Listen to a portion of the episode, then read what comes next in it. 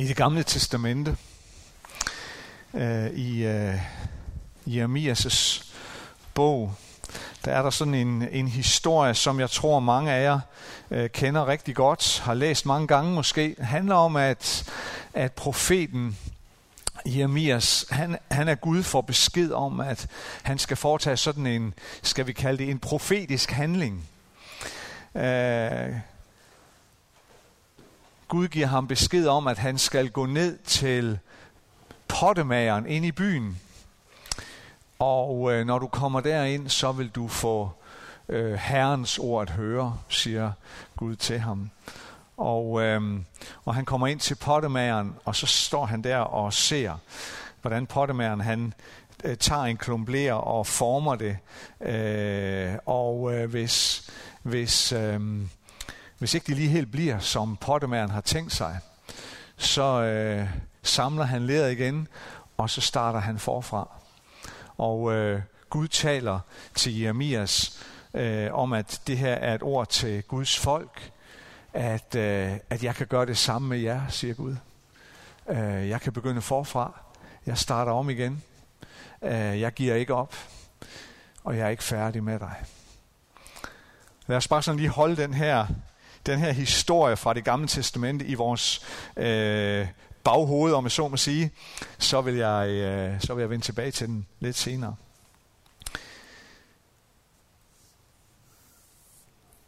Men vi er jo øh, i gang med den her øh, prædikenserie, som vi kalder for Pilgrim. Og i dag der er temaet øh, ørkenvandringen. Tilbage til Ægyptens kødgryder.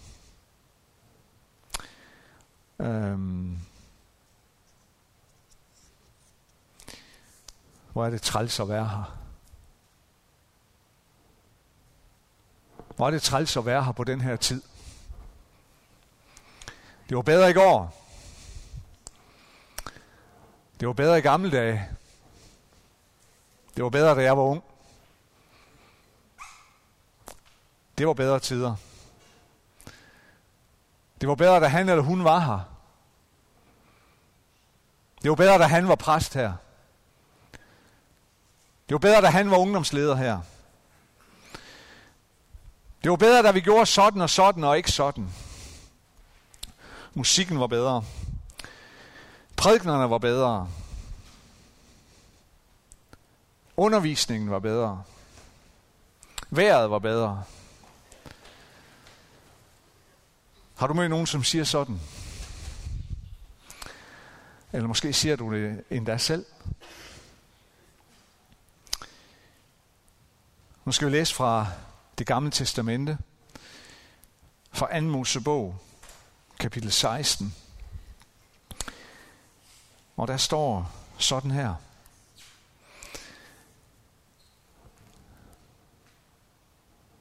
Så brød de op fra Elim.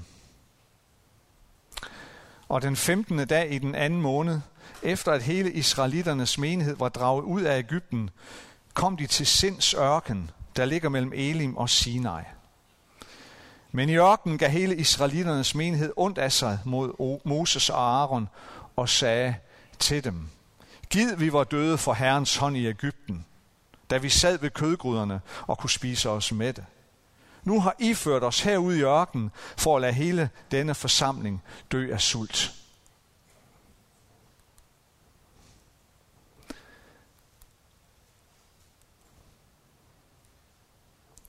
Det kan godt være, jeg skal have hjælp deroppe. Tak for det.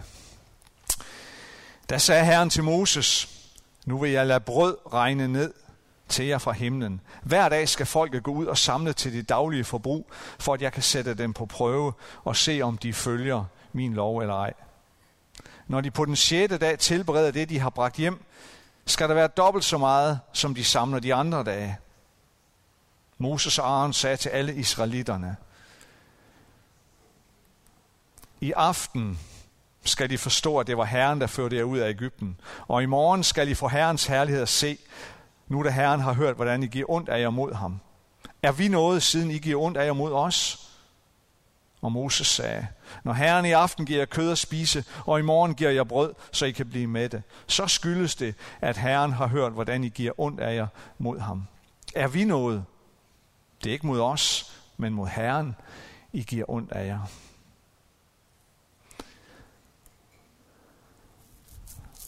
Den her tekst er jo taget ud af den her lange, lange beretning i det gamle testamente, som vi kalder for ørkenvandringen, eller Exodus beretningen.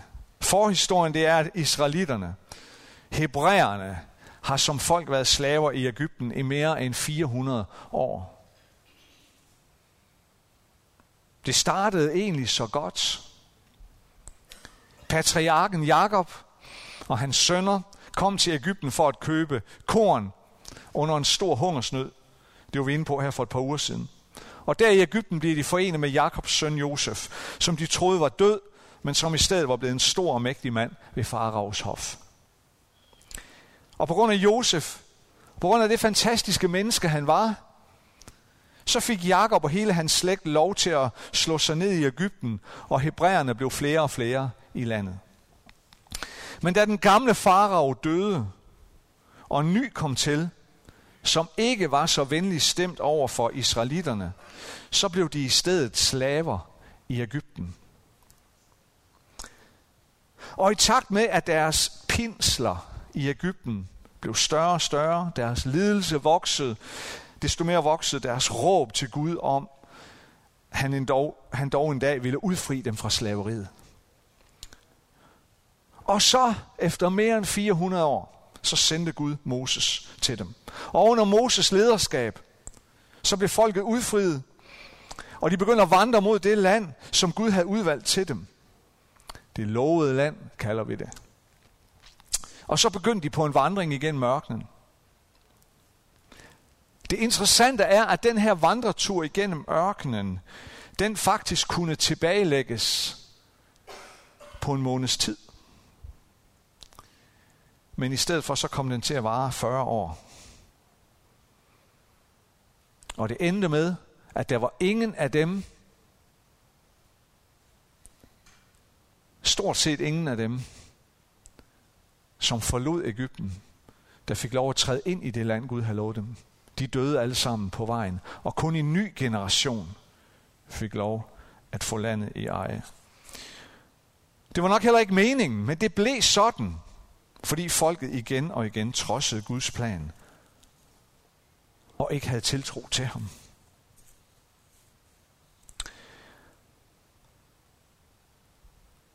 Og vi kommer så ind i historien.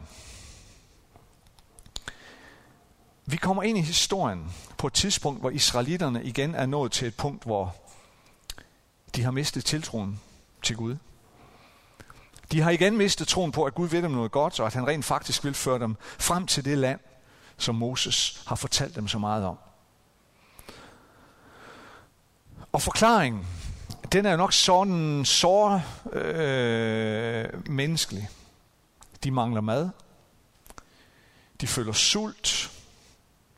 De går igennem en ørken, hvor solen brænder om dagen, og hvor det sikkert er hundekoldt om natten. Sådan er ørkenklimaet jo. Og så kommer de til Moses og klager. Vi vil gerne høre, hvad ledelsen har tænkt sig at gøre ved det. Ja, vi må jo formode, at ledelsen har tænkt noget. Hvad har menighedsrådet tænkt sig at gøre ved det? Hvordan vil I løse det her for os? Deres egen løsning på problemet, den handler om at kigge sig tilbage over skulderen. Deres egen løsning er at drømme sig tilbage til der, hvor de kom fra. Det var egentlig meget bedre i gamle dage. Ja, det var godt nok et slid hver dag, men der var jo trods alt mad på tallerkenen hver dag. Der var kød i gryden, der var nok at spise. Og hvad har vi her?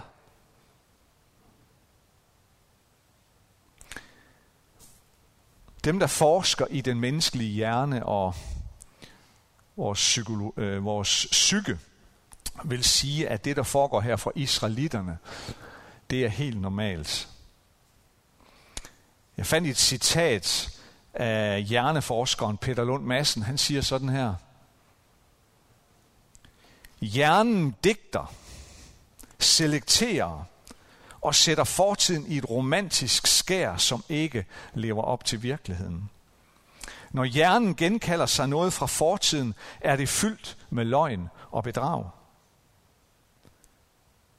Den har en tendens til at glemme alt sulten og klidpølsen og hvad der nu ellers var i gamle dage. Og så har den ovenikøbet en trang til at digte. Det gode bliver endnu bedre, end det var, mens det dårlige virker mindre slemt. Sådan siger Peter Lund Madsen. Så det er åbenbart sådan, at vores øverste etage er skruet sammen. Og så giver israeliternes opførsel jo på en måde mening. Men problemet det opstår jo, når det er vores efterfølgelse af Gud, som er på spil. Og det er den jo her i israeliternes tilfælde. De har gennem generationer råbt efter Gud og råbt på Gud. Herre, forbarm dig over os. Hjælp os. Red os ud af fangenskabet og slaveriet. Og det gør Gud så om sider. Og så kommer Gud og siger, følg mig så gennem ørkenen til det land, jeg vil give jer.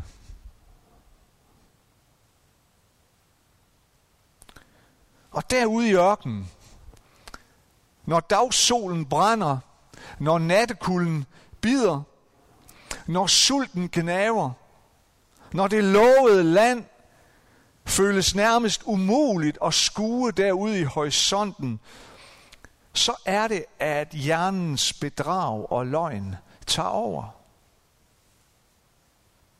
Så er det, at længslen efter fortiden bliver stærk. Så er det, at fortidens smerte og lidelse, fortidens slaveri på det nærmeste er glemt, og man ønsker sig tilbage.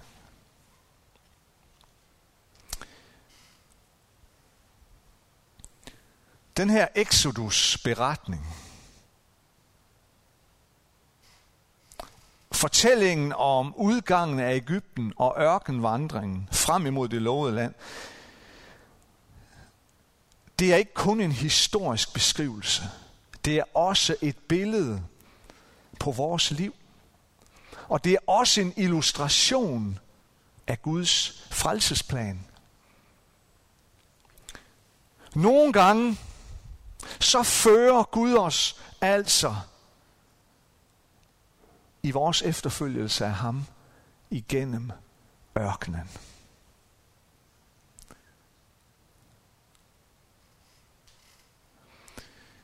Det her med at bede den her bøn og sige til Jesus, Jesus, jeg vil følge efter dig. Venner, det er en farlig bøn at bede.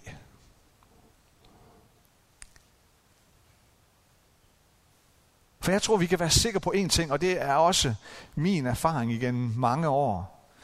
At når, når vi beder den bøn, Jesus, jeg vil følge efter dig, jeg vil, jeg vil prøve at vandre i dine fodspor, så kan vi være sikre på, at før eller siden, så tager Jesus dig et sted hen, du ikke har lyst til at komme. Det kan være, at han tager dig hen til et menneske, du ikke har forsonet dig med. Et menneske, som du ikke kan lide. Men hvor Jesus siger, hvis du vil følge efter mig, så går vi lige herhen til ham her, eller hende her. For der er noget, du skal gøre her.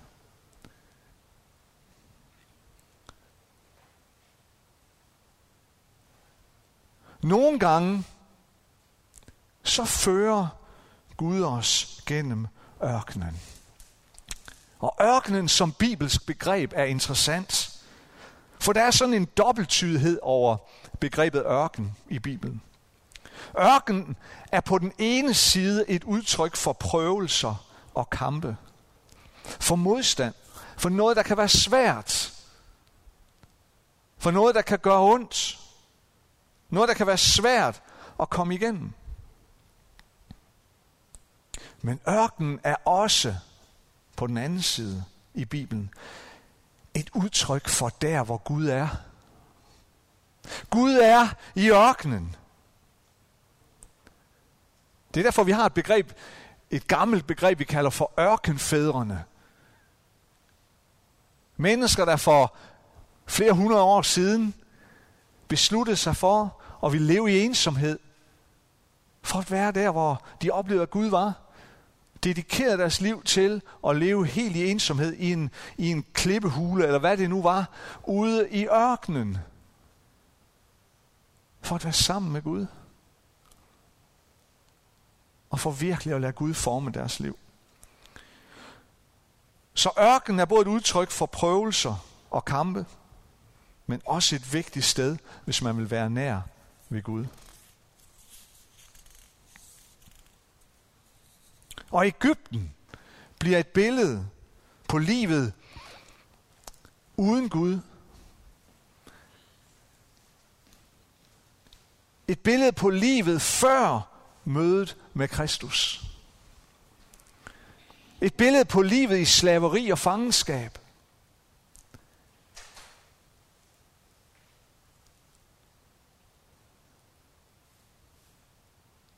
Et liv i fangenskab under vores egen vilje eller vores egen, egne lyster, vores egne ønsker og krav og forventninger. Alle de her ting. Men Kristus befrier os fra slaveriet gennem sin død og opstandelse. Og han kalder os ind i en relation med sig selv. Han kalder os til efterfølgelse. Og vi følger efter ham, som israelitterne gennem det røde hav, som gennem dåbens vand. Men han fører os også til tider ind i ørkenen. Der, hvor det kan føles svært. Der, hvor vi ikke har lyst til at gå hen. Der, hvor vi i overført betydning kan mærke solen brænde på os, og kulden bider efter os.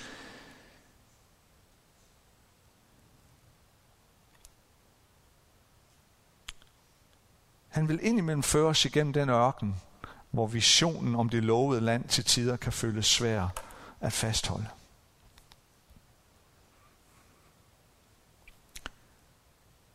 Og det er jo der i de stunder, at den tekst, vi har foran os i dag, den bliver aktuel. Den stiller spørgsmål til os. Hvordan reagerer jeg i de situationer? Bliver jeg ved med at vende mig om og se det, jeg kom fra? Fordi jeg længes tilbage efter det. Længes jeg tilbage til livet før Jesus, fordi jeg simpelthen har glemt, eller jeg fornægter den erfaring, at det dybest set var et liv i fangenskab?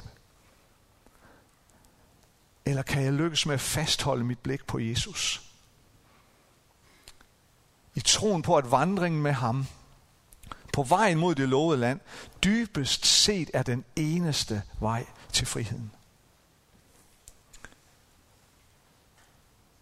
Kan jeg leve ud fra den her dybe overbevisning, at sand frihed findes kun der, hvor jeg er bundet til Kristus.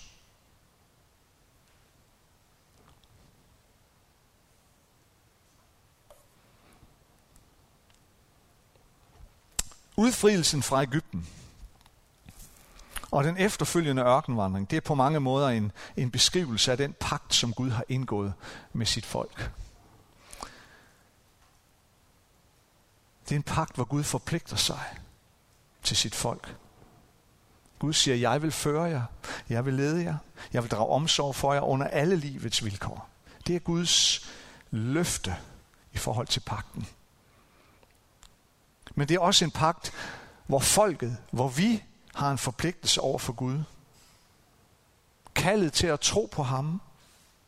Tro på, at han er den, han siger, han er.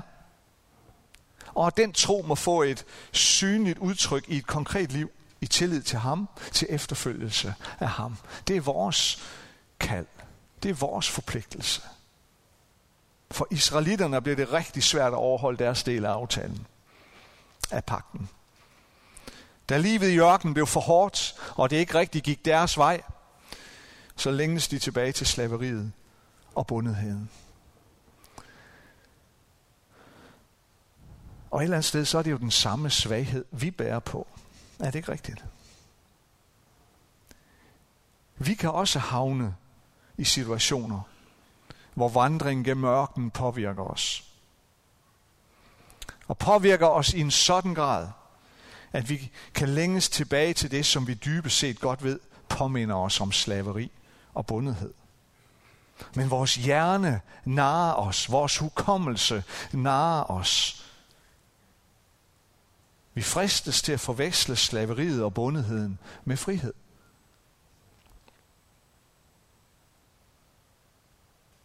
Vi fristes til at forveksle livet uden Gud med et liv i frihed.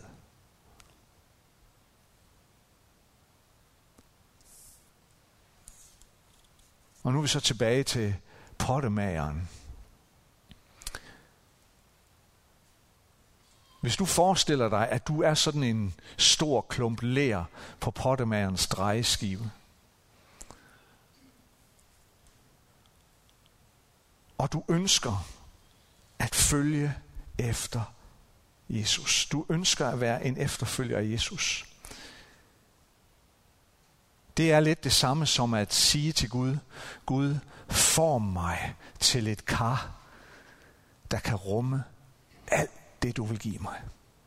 Der vil rumme alt din fylde.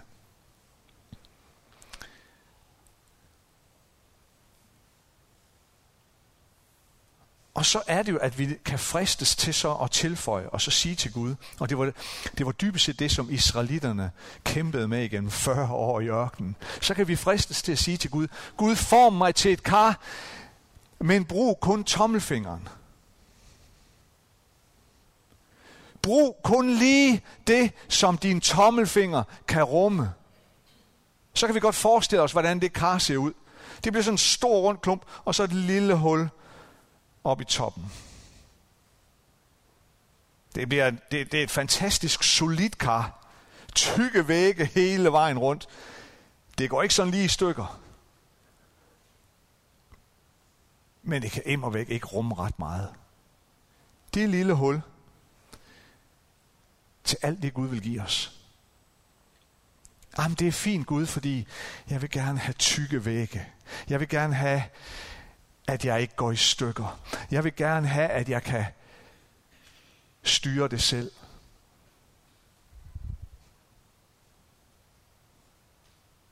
Men det kan bare ikke rumme ret meget. Eller siger vi til Gud, Gud, brug hele hånden.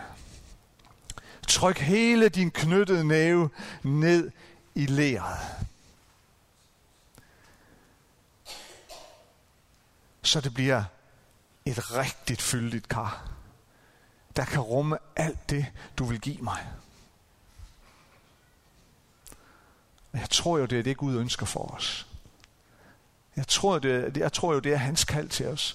Men vi ved også godt, at et sådan kar har tynde vægge. Et sådan kar er skrøbeligt, er sårbar, hvis det falder på jorden, selv efter at pottemæren har brændt det, så kan det gå i stykker. For væggene er tynde. Men jeg tror, det er Guds ønske for vores liv. At vi giver Gud lov til at, at han trykker hele hånden ned i.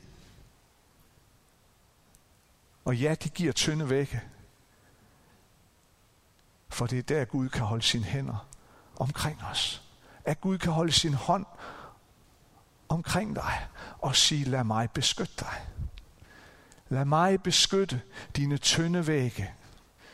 Lad mig dække over de revner og de sprækker, der bliver. For det bliver der igennem livet. Lad mig dække over dem. Lad mig passe på. Lad mig beskytte. Israelitterne kom til at gå 40 år i ørken dybest set, fordi de sagde til Gud, Gud, du skal kun bruge tommelfingeren.